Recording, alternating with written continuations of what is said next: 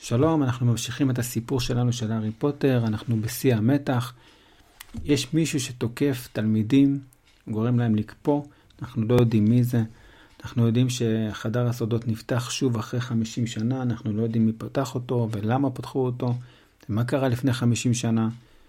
הרבה תלמידים חושדים שזה הארי, שהוא זה שהיורש של סלית'רין שתוקף את התלמידים, כי תמיד הוא היה באזור כשקרו כל מיני מקרים כאלה. לעומת זאת, הארי, רון והרמיוני חשדו שזה מאלפוי, והם אה, השתמשו בשיקוי פולימיצי כדי להפוך להיות החברים של מאלפוי ולשמוע ממאלפוי את התוכניות שלו, והם הבינו שבעצם זה לא מאלפוי, ומאלפוי בעצמו לא יודע מי, מי הוא היורש של סלית'רין, מי עושה את כל הדברים האלה. בתהליך הפולימיצי, הרמיוני בטעות אה, השתמשה בסערה של חתול והיא הפכה להיות דומה לחתול ולכן היא לא השתתפה ב, במשימה ונאלצה ללכת למרפאה כדי שיחזירו אותה לקדמותה, שתחזור להיות אה, בן אדם רגיל. אנחנו ממשיכים את הפרק שלנו. הרמיוני נשארה במרפאה כמה שבועות והתחילו להיות שמועות בין התלמידים כי התלמידים חזרו מהחופשה וראו שהם לא רואים אותה והיא נמצאת במרפאה כבר הרבה זמן. הם התחילו לחשוב שאולי גם היא הותקפה. אז כל מיני תלמידים ניסו להציץ מהמרפאה לראות אותה, אבל הרמיוני ככה הייתה מעבר למחיצה ששמה מדאם פומפרי, האחראית על המרפאה, כדי שלא יראו אותה. כי הרמיוני הייתה נראית אה, עם פנים מכוסים בפרווה ודומה לחתולה, זה לא, לא נעים. הארי ורון היו באים לבקר את הרמיוני כל ערב, הביאו לה בכל יום את שיעורי הבית. במקום uh, לנוח, הרמיוני דווקא רצתה להשלים את החומר ולא לא רצתה להפסיד, להפסיד לימודים. לאט לאט, עם הזמן המצב שלה השתפר, המצב רוח שלה השתפר, כבר לא הייתה לה פרווה על הפנים, העיניים התחילו לחזור לצבע הרגיל שלהם, צבע חום, וככה הם, אה, המצב הלך והשתפר. ערב אחד כשהארי ורון ישבו עם הרמיוני, הם ראו משהו מציץ מתחת לכרית שלה. אז אה, הארי שאל מה זה? הרמיוני אמרה רק כרטיס עם ברכת רפואה שלמה שקיבלתי. היא ניסתה להסתיר את הכרטיס, אבל רון היה זריז ממנה ושלף את כרטיס הברכה, פתח אותו וקרא בקול רם. לעלמה גריינג'ר, מאחל לך החלמה מהירה, ממורך המודאג, הפרופסור גילדרוי לוקהרט, מסדר מרלין, דרגה שלישית. חבר כבוד בליגה להתגוננות מפני כוחות האופל וחמש פעמים חתן פרס החיוך המקסים של השבועון למכשפה. רון הסתכל על הרמיוני ואמר, את ישנה עם זה מתחת לכרית שלך? למזלה של הרמיוני לא הייתה צריכה לעלות, לענות כי בדיוק הגיע מדאם פומפרי והביאה לה תרופות. אה, פרופסור לוקארט ככה גרם להרבה אנשים כן להתלהב ממנו וגם הרמיוני התלהבה ממנו. ככה אה, זה מה שהיה. רון והארי המשיכו ללכת אחרי שהם יצאו מהמרפאה,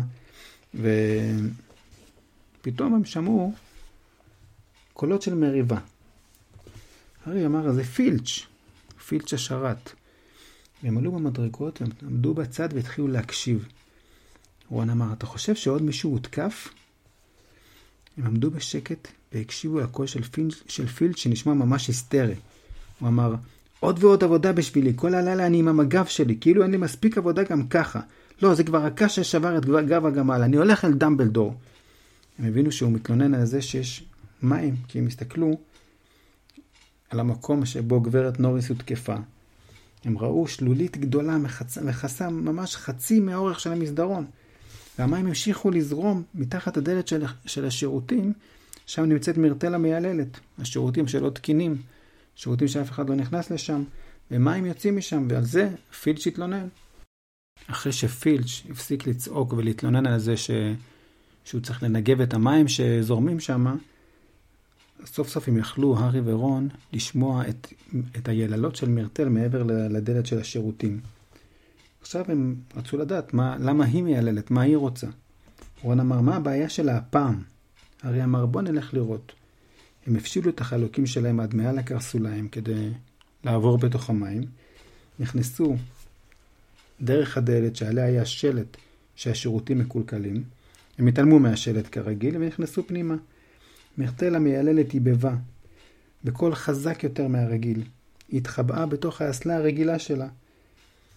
והארי ורון נכנסו, הארי אמר, מה העניינים מרטל? מירטל אמרה, מי זה? גם אתה באת לזרוק עליי דברים.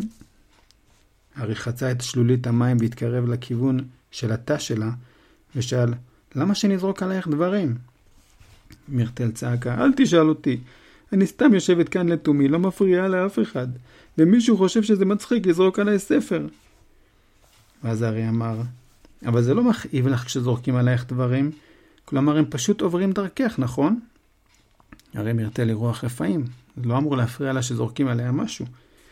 אבל זה לא היה דבר נכון להגיד, כי זה העליב את מירטל.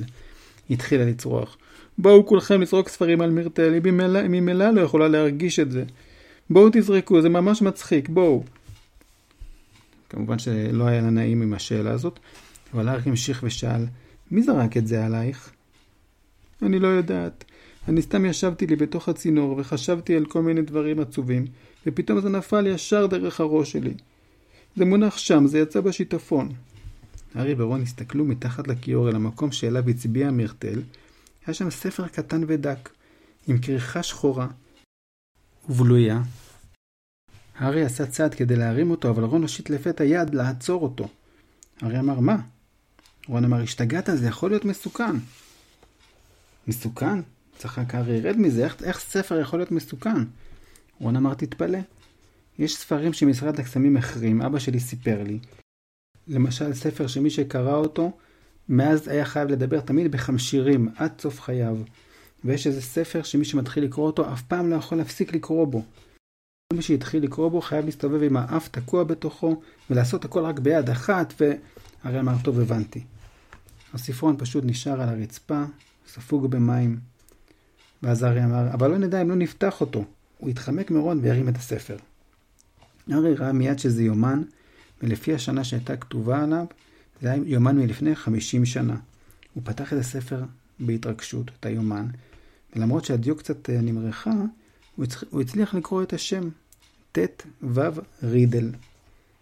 רון אמר, רגע אחד, אני מכיר את השם הזה, ט' ו' רידל. הוא קיבל פרס מיוחד על, מיוחד על תרומה לבית הספר לפני 50 שנה. הרי איך אתה יודע את זה?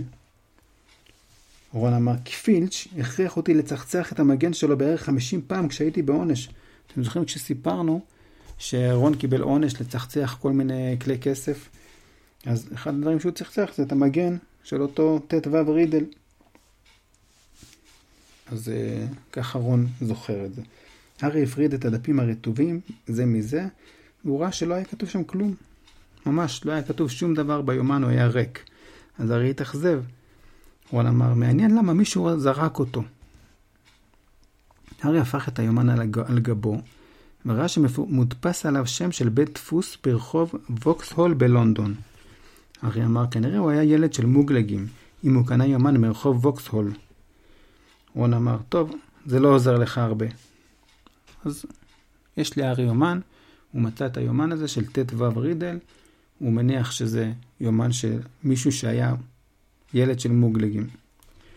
הארי תחב את היומן לכיס, וזהו. הרמיוני שוחררה מהמרפאה, בלי זנב, בלי פרווה, אחרי שעברו כמה שבועות, ובלילה הראשון שהיא חזרה למגדל גריפינדור, הארי הראה לה את היומן, וסיפר לה את הסיפור, איך הם גילו אותו. הרמיוני אמרה, אולי יש לו כוחות נסתרים. היא לקחה את היומן והסתכלה בו מקרוב. רון אמר, אני לא מבין למה אתה לא זורק את היומן, הארי. הארי אמר, הלוואי שידעתי למה באמת מישהו ניסה לזרוק אותו, וגם מסקרן אותי לדעת למה רידל זכה בפרס מיוחד על תרומה לבית הספר. רון אמר, יכולות להיות המון סיבות. אולי הוא קיבל ציון קסאם בכל הבגרויות שלו, שזה ציון ממש ממש טוב. אולי הוא זה שהרג את מירטל, בטח כולם שמחו מזה. אבל הארי ראה, לפי המבט בעיניים של הרמיוני, שגם היא חושבת כמוהו. ורון הסתכל על הארי ועל הרמיוני ושאל מה? הארי אמר, טוב, אז חדר הסודות נפתח לפני 50 שנה, נכון? זה מה שמלפוי אמר. והרמיוני המשיכה, והיומן הזה הוא בן 50 שנה. רון אמר, נו. הרמיוני אמרה, נו, רון, תתעורר. אנחנו יודעים שמי שפתח את החדר בפעם שעברה, סולק לפני 50 שנה. ואנחנו יודעים שט"ו רידל קיבל פרס מיוחד על תרומה לבית הספר לפני 50 שנה. אולי רידל קיבל את הפרס על זה שהוא תפס את היורש של, של סלית'רן. הוא בטח כתב הכל ביומן שלו, איפה נמצא החדר, איך לפתוח אותו, ואיזה מין יצור שוכן בתוכו. מי שעומד מאחורי הסיבוב הנוכחי של התקיפות בטח לא ירצה שדבר כזה יתגלגל לידיים הלא נכונות, נכון? לכן זאת הסיבה שזרקו את היומן, ואולי ביומן הזה כתובים כל הדברים שאנחנו צריכים לדעת. זה מה שהרמיוני אומרת. כי הרי בדיוק היומן הזה מלפני 50 שנה, וט"ו רידל קיבל איזשהו מגן הוקרה, פרס מיוחד. אז אולי באמת, הוא יודע מי היורש של סלית'רין והוא תפס אותו. רון אמר זה רעיון ממש מבריק, אבל יש רק פגם קטן ברעיון. ביומן הזה לא כתוב שום דבר. אבל הרמיוני שלפה את השרביט מהתיק שלה, ואמרה, אולי זו דיו נעלמת. היא טפחה על היומן שלוש פעמים ואמרה, אפרציום. לא קרה כלום. הרמיוני לא התייאשה וניסתה עוד קסם, אבל גם זה לא עבד. רון אמר, אני אומר לך שאין בפנים שום דבר. רידל סתם קיבל מתנה את היומן הזה, והוא אף פעם לא השתמש בו. הארי לא ידע להסביר אפילו לעצמו למה הוא פשוט לא זרק את היומן.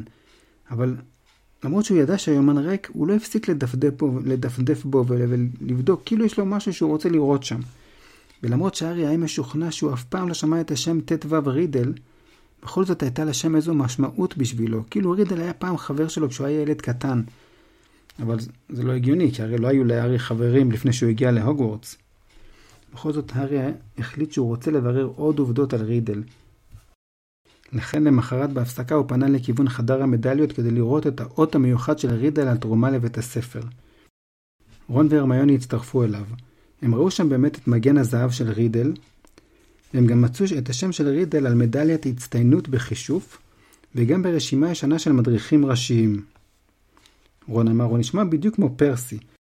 מדריך, תלמיד מצטיין, בטח תמיד הוא היה הראשון בכיתה. הרמיוני אמרה קצת בעלבון, אתה אומר את זה כאילו זה דבר לא טוב. אבל חוץ מזה הם לא גילו שום פרטים נוספים למה רידל קיבל את מגן הזהב. עדיין אין להם תשובה על זה. ובינתיים האווירה בטירה בהוגוורטס כבר הייתה יותר, יותר קלה. לא היו תקיפות נוספות מאז התקיפות שהיו מול ג'סטין וניק. מדאם פומפרי סיפרה לפילץ' שהדודאים כבר התחילו לסבול מהתקפי מצב רוח רע והתחילו להסתודד, להסתודד הרבה, זאת אומרת שכבר שלב הילדות שלהם עומד להסתיים. ואז היא המשיכה והסבירה לפילץ', ברגע שפצעי הבגרות שלהם ייעלמו, הם יהיו מוכנים לעבור לעציצים גדולים יותר, ואחרי זה, כבר לא הרבה זמן אחרי, נוכל כבר לבשל אותם ולהשתמש בהם, וככה נוכל להחזיר את גברת נוריס ולרפא אותה. כי הרי התרופה לקיפאון הזה זה הדודאים. אז נראה ככה שיש עתיד, אה, עתיד, טוב, עתיד טוב, אין יותר תקיפות, והתרופה הולכת ומתקדמת. הארי חשב לעצמו, אולי היורש של סלית'רין איבד את האומץ שלו, כי כבר עכשיו כולם עומדים על המשמר, אז הוא לא רוצה לתקוף שוב. ארני מקמילן מאפלפף לא היה שותף לדעה הזאת, הוא עדיין היה משוכנע שהארי אשם בכל ושבטעות הוא חשף את עצמו במועדון הדו-קרב כשהוא התחיל לדבר עם הנחש. וככה אה, עדיין אה, חשדו בהארי. גילדרוי לוקהארט חשב שהוא זה שעצר את התקיפות. הארי שמע אותו מסביר לפרופסור מגונגל, אה, הוא אומר לה, אני לא חושב שיהיו עוד בעיות מנרווה. אני חושב שהחדר ננעל הפעם באופן סופי. העבריין כנראה הבין שזה רק עניין של זמן עד שהייתי תופס אותו.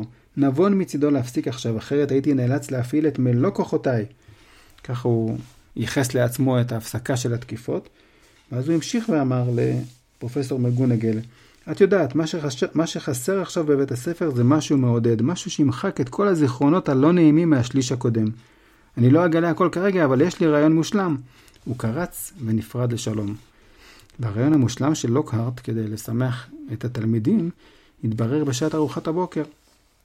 אחרי כמה ימים. ארי היה עייף באותו יום, לא, לילה קודם הוא התעכב באימון קווידיץ', הוא הגיע לארוחת הבוקר קצת באיחור, פתאום הוא ראה שכל הקירות מכוסים בפרחים ורודים, ופיסות קונפטי בצורת לבבות קטנים נשרו מהתקרה. הארי ניגש לשולחן של גריפינדור, הוא ראה שם את רון יושב עם פרצוף אה, מלא גועל, והרמיוני דווקא צחקקה. הארי אמר, מה קורה פה?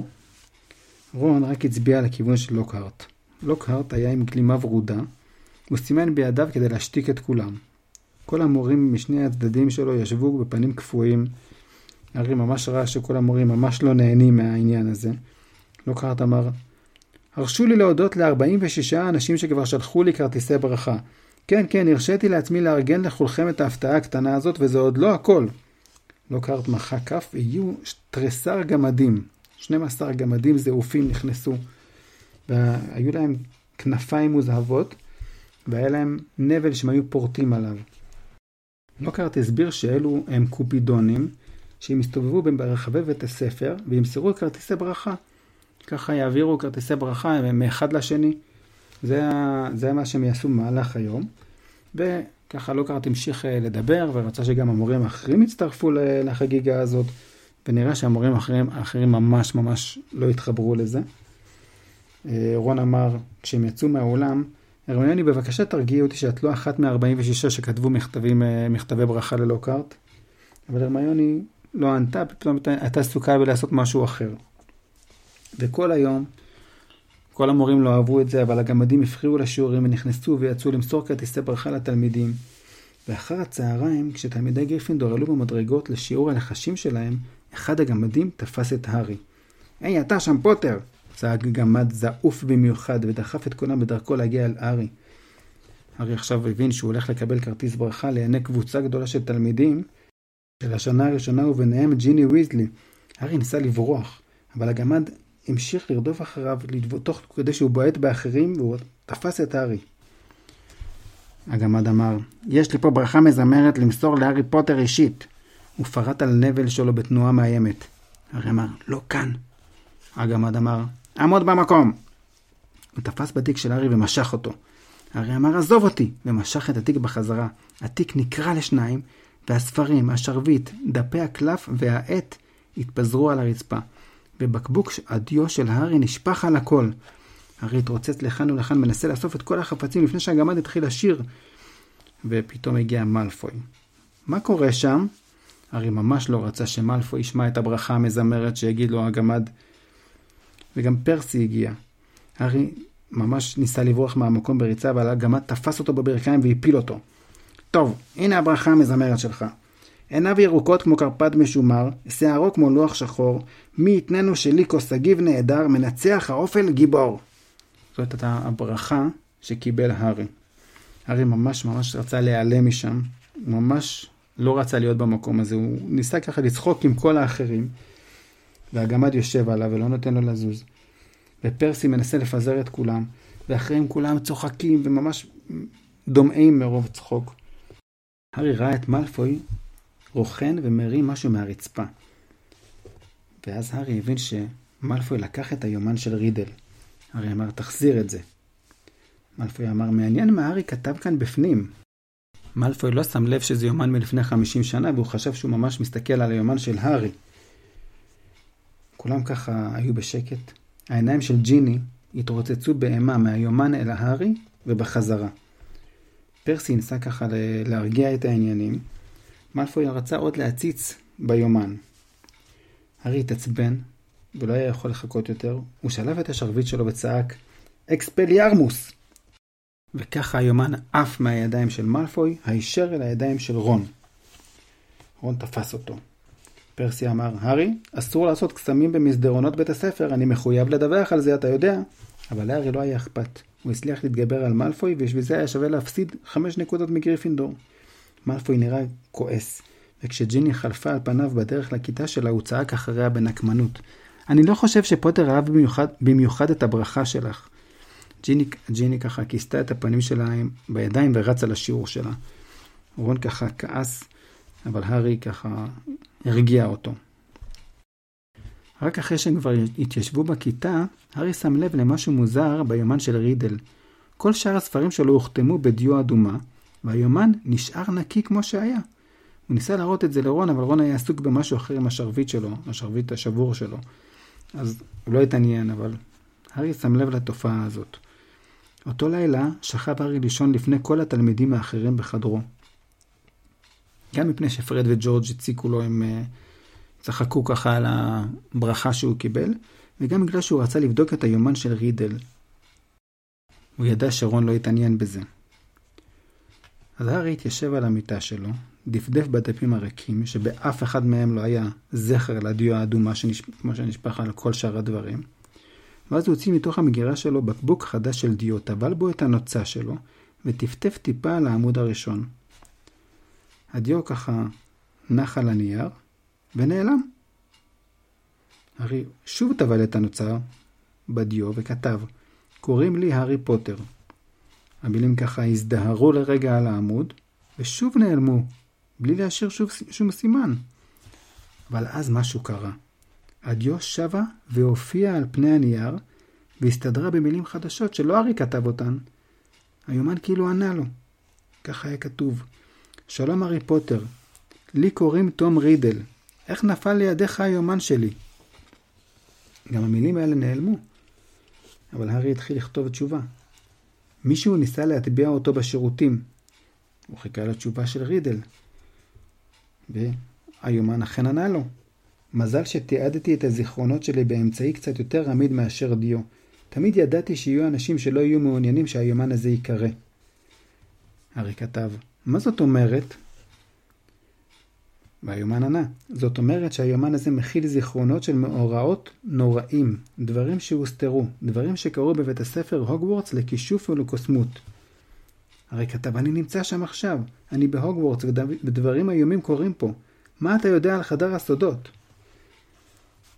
הרי ממש התרגש, והתשובה של רידל מיהרה להופיע בכתב פחות ופחות ברור, כאילו הוא מיהר לספר כל מה שידוע לו.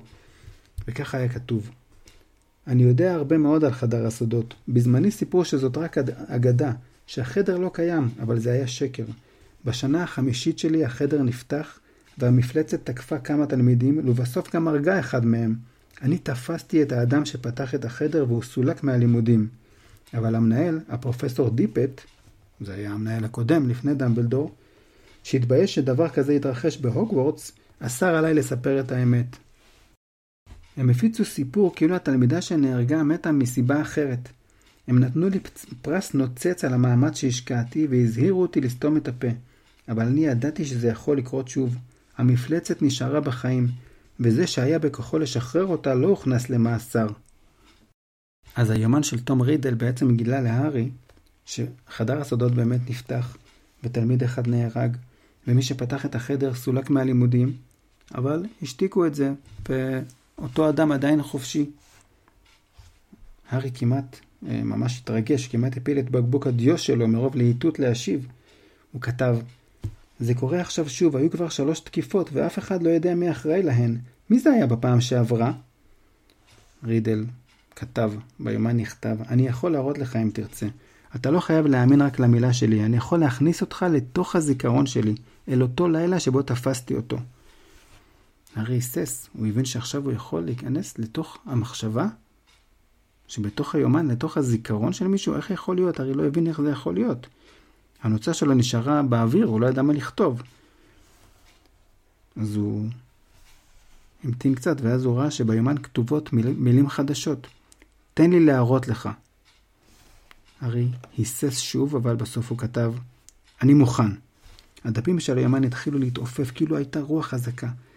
הם נעצרו באמצע חודש יוני. ובתאריך של 13 ביוני, ביומן, זה כאילו הפך להיות טלוויזיה קטנה.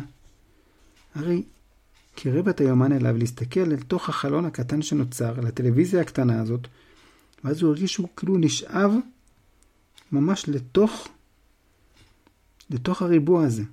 החלון הפך נהיה להיות יותר גדול, הוא ממש הרגיש שהוא כבר לא על המיטה שלו, והוא פשוט נמצא בתוך מקום אחר. הוא הרגיש שהרגליים שלו עומדות על קרקע. הוא ממש נכנס לתוך הזיכרון. ולאט לאט לקח לארי קצת זמן להבין איפה הוא נמצא, אבל הוא הבין שהוא נמצא, אחרי שכל התמונה התבהרה לו, שהוא נמצא במשרד של דמבלדור. הוא כבר יודע איך המשרד נראה. אבל לא דמבלדור ישב ליד שולחן העבודה, אלא קוסם אחר. קוסם ככה זקן, עם ממש קצת שיער לבן, ישב וקרא מכתב לאור, לאור הנרות. הארי לא, לא ראה אף פעם את האדם הזה שישב שם. הוא אמר, אני מצטער, לא התכוונתי להפריע. אבל הקוסם לא, לא, לא התייחס אליו, הוא המשיך לקרוא. הארי התקרב עוד קצת אל השולחן של אותו קוסם, שישב בשולחן של המנהל. הוא אמר, אני פשוט אלך מכאן, בסדר? עדיין הקוסם מתעלם ממנו. הארי חשב שהקוסם אולי לא שומע כל כך טוב, אז הוא כמעט צעק, סליחה שהפרעתי לך, אני אלך עכשיו. הקוסם המשיך בשלו, קיפל את המכתב, קם על הרגליים, חלף על פני הארי בכלל בלי להסתכל עליו, והסיט את הווילונות בחלון. לפי השמיים בחוץ היה נראה שזה שעת שקיעה. הקוסם חזר אל השולחן, התיישב, שילב את ידיו והביט בדלת. הארי הסתכל מסביב, לא היה שם במשרד את עוף החול, לא היו שם מכשירים כסופים מזמזמים. זאת הייתה הוגוורטס, כפי שרידל הכיר אותה. כלומר, הקוסם הבלתי מוכר הזה הוא המנהל, לא דמבלדור. זה ממש מה שהיה מלפני 50 שנה, כמו שרידל זוכר. ואת הארי עצמו לא רואים, הוא בלתי נראה לאנשים מלפני 50 שנה, הוא נמצא שם, אבל כאילו מי שנמצא באמת לא, לא רואה אותו. הוא רק צופה במה שקורה, אבל אותו לא רואים. ואז נשמעה דפיקה בדלת. הקוסם הזקן אמר, יבוא. נכנס נער בן 16, היה לו תג כסוף של מדריך על החזה, הוא היה גבוה מהארי, בהרבה, אבל גם לא היה שיער שחור, כמו להארי. המנהל אמר, רידל. רידל אמר, רצית לדבר איתי, פרופסור דיפט? דיפט אמר, שב בבקשה, אני קראתי עכשיו את המכתב ששלחת לי. אה, תראה, נערי היקר, אין לי שום אפשרות להרשות לך להישאר בבית הספר בחודשי הקיץ. אתה לא רוצה לבלות את החופשה בבית? רידל אמר מיד לא. הייתי מעדיף מאוד להישאר בהוגוורטס מאשר לחזור ל... אה, ל... ל... דיפט אמר, אה, אני מבין שבמהלך החופשות אתה מתגורר בבית יתומים של מוגלגים. רידל הסמיק ואמר, כן, אדוני. אתה בן של מוגלגים? שאל דיפט. אני מעורב, אדוני. אבא מוגלג, אמא מכשפה. ואיפה ההורים שלך? שאל דיפט. רידל סיפר שאימא שלו מתה קצת אחרי שהוא נולד, וסיפרו לו בבית היתומים שהיא נשארה בחיים מספיק זמן כדי לתת לו את השם. השם שלו זה תום על שם אבא שלו, ונדרולו על שם סבא שלו. קוראים לו תום ונדרולו רידל. דיפט אה, עכשיו צריך לדעת מה לעשות עם רידל. רידל ביקש להישאר בחופשה בהוגוורטס, כי אין לו כל כך לאיפה לחזור, הוא לא רוצה לחזור לבית היתומים של המוגלגים. הוא ביקש להישאר בחופשה בהוגוורטס. אז דיפט אמר לו, העניין הוא שאנחנו היינו יכולים אולי למצוא סידור בשבילך, אבל בנסיבות הקיימות, ודיפט מסביר לרידל, ילדי היקר, אתה בוודאי רואה כמה בלתי אחראי יהיה זה מצידי לאפשר לך להישאר בטירה לאחר סיום הלימודים, במיוחד לאור מה שקרה, אותה ילדה מסכנה שמתה. בבית היתומים שלך אתה תהיה מוגן. למען האמת, משרד הקסמים כבר התחיל לדבר על סגירת בית הספר. עדיין אנחנו מגששים באפלה בניסיון לאתר את המקור לכל אי הנעימות הזאת. בעצם דיפט אומר לרידל שהוא לא יכול לאפשר לו להישאר בחופשה כי יש סכנה בבית הספר. סכנה שגרמה לילדה למות. ועד כדי כך יש סכנה שאפילו חושבים אולי לסגור את בית הספר, ואפילו לא יודעים מי גרם לכל הסכנה הזאת. זה מה שבעצם דיפט מספר. כמובן שמדובר על אותן תקיפות, אותו דבר כמו שקורה עכשיו. זה מה שקרה לפני 50 שנה, והארי מקשיב להכל. ואז רידל אמר, אדוני, אם האיש היה נתפס, לו הכל היה נעצר. בעצם רידל אומר כאילו, הבין, גרם לדיפט להבין שבעצם הוא יכול לעזור לו למצוא את מי שעושה את התקיפות. רידל כאילו רמז שהוא יודע משהו. אבל דיפט אמר לו, אתה יכול, אתה רומז שאתה יודע משהו על התקיפות האלו? רידל אמר, לא אדוני. אבל הארי היה משוכנע שזה, שהוא באמת הוא יודע מי עשה את התקיפות האלה. דיפט uh, ישב על הכיסא, שקע בכיסא, נראה קצת מאוכזב. אמר, אתה רשאי ללכת, תום. ורידל החליק מהכיסא שלו ויצא מהחדר בצעדים כבדים, והארי הלך בעקבותיו. הם ירדו במדרגות הלולייניות הנאות, יצאו ליד פסל המפלצת שבפרוזדור, רידל עצר וגם הארי עצר אחריו. הוא ראה את רידל ככה שקוע במחשבה. ואז כאילו רידל הגיע להחלטה, הוא התחיל ללכת שוב מהר. הארי הלך בעקבותיו. ככה הם הלכו עד שהם הגיעו אל עולם הכניסה. היה שם קוסם גבוה עם שיער אדמוני ארוך וחלק וזקן, גם אדמוני, הוא קרא אל רידל. מדוע אתה משוטט בשעה מאוחרת כל כך, תום? הארי הסתכל על הקוסם.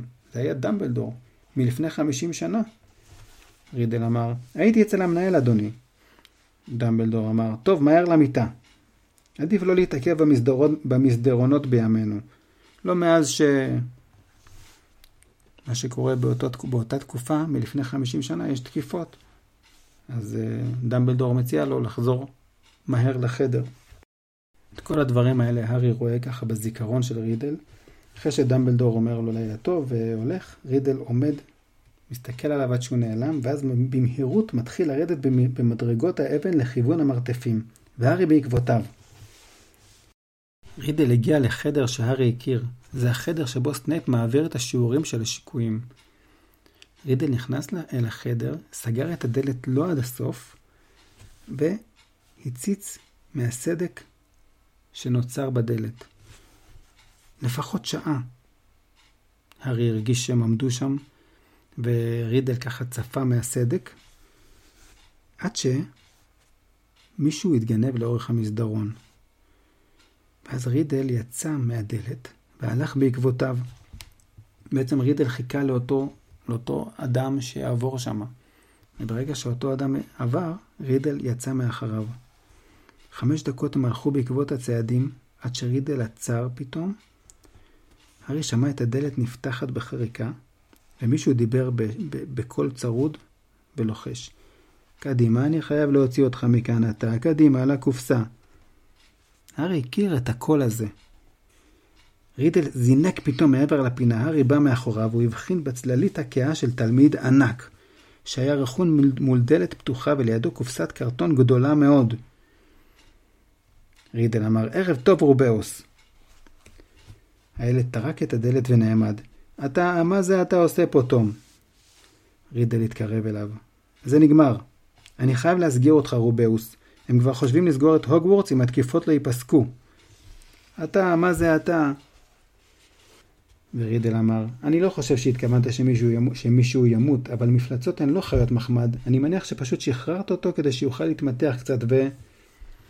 הילד הגדול, שאנחנו יודעים עכשיו ומבינים שזה הגריד, אמר, הוא לא הרג אף אחד. הארי שמע מאחורי הגריד רעשים מוזרים של רשרוש ונק... ונקישה. רידל אמר, קדימה רובאוס, ההורים של הילדה שנהרגה מגיעים מחר. המעט שהוגוורטס יכולה לעשות זה לוודא שהיצור שהרג את בתם ייתפס. הילד אמר, זה לא היה הוא. הוא לא היה בכלל עושה דבר כזה אף פעם. רידל אמר, זוז הצידה. מה שאנחנו מבינים בעצם שרידל פנה להגריד, שהגריד יש לו איזה קופסה עם איזשהו ייצור בפנים, ורידל אומר שזה היצור שהרג את הילדה וזה היצור שעושה את הבעיות. ועכשיו רידל רוצה לתפוס את אותו יצור, כדי שבית ספר הוגוורטס לא ייסגר, כדי שיוכל להישאר שם בחופשה. אז אנחנו מבינים שבעצם הגריד הוא זה ששחרר את, אותה, את אותו בעל חיים שעשה את כל הבלגן. אבל הגריד אומר שזה לא הוא, שהוא לא עשה דבר כזה. רידל אמר זוז הצידה, ושלף את שרביטו. הוא עשה איזשהו כישוף שהאיר את הפרוזדור באור בעירה פתאומי. הדלת שמאחורי הילד הגדול, שאנחנו יודעים שזה הגריד כשהוא היה צעיר, נפתחה בעוצמה כזאת עד שהעיפה אותו על הקיר הנגדי. מתוך הקופסה יצא משהו שגרם לארי לפלוט צרחה ארוכה. אף אחד לא שמע את זה כי הוא רק צופה והוא רק בתוך הזיכרון של רידל. יצא גוף ענק ושעיר, והרבה רגליים שחורות, המוני עיניים, זוג צוותות חדות קטר. רידל הניף שוב את השרביט, אבל זה היה מאוחר מדי, כי היצור, בדרך להימלט, הפיל את רידל ורץ. רידל קם על רגליו והביט אחרי היצור, הרים את השרביט, אבל הילד הענק קפץ עליו, אחז בשרביט שלו והפיל אותו שוב על הרצפה ואמר לא! התמונה הסתחררה, החושך נהיה מוחלט, הארי הרגיש שהוא נופל ושוב מצא את עצמו על המיטה שלו במגדל גריפינדור, והיומן של רידל מונח פתוח על הבטן שלו. בעצם הארי ראה את הזיכרון של רידל, והוא ראה שרידל תפס את הגריד, שהוא הסתיר איזשהו בעל חיים שכנראה הוא זה שגרם לכל התקיפות ולכל הבעיות. כל זה קרה לפני 50 שנה. אנחנו כמובן מבינים עכשיו למה הגריד בעצם לא המשיך את הלימודים שלו. בעצם הוא זה ששחרר את היצור. הארי ככה התנשם אחרי שהוא ראה את הזיכרון של רידל. לפני שהוא הספיק להסדיר את הנשימה, הדלת נפתחה ורון נכנס. הנה אתה, הוא אמר. הארי התיישב כולו מזיע ורועד. רון אמר, מה קרה? הארי אמר לו, זה היה הגריד רון. הגריד הוא זה שפתח את חדר הסודות לפני 50 שנה. זה הרי מה שהארי ראה בזיכרון של רידל. עד כאן הפרק להיום. זה דווקא מאוד הגיוני שהגריד הוא זה שכנראה פתח את חדר הסודות, הוא זה ששחרר את המפלצת, הרי תמיד הייתה לו חולשה לחיות גדולות ומפלצתיות. אה, הוא תמיד אה, מתעניין בדברים האלה, אז יכול להיות שבאמת ראה את אותו בעל חיים שמעניין והוא רוצה לשחרר אותו ולאפשר לו ככה להשתחרר קצת ולמתוח את הרגליים. וזה מה שגרם לכל התקיפות ולכל הבעיות שקרו לפני 50 שנה. כמובן הוא לא התכוון שאף אחד ייפגע, אבל כנראה שבסופו של דבר הוא זה שגרם לזה. אז uh, עדיין לא כל התעלומות נפתרו לנו, עדיין יש שאלות פתוחות, ועדיין יש הרפתקאות שמחכות לנו. אתם מוזמנים להאזין לפרקים הבאים.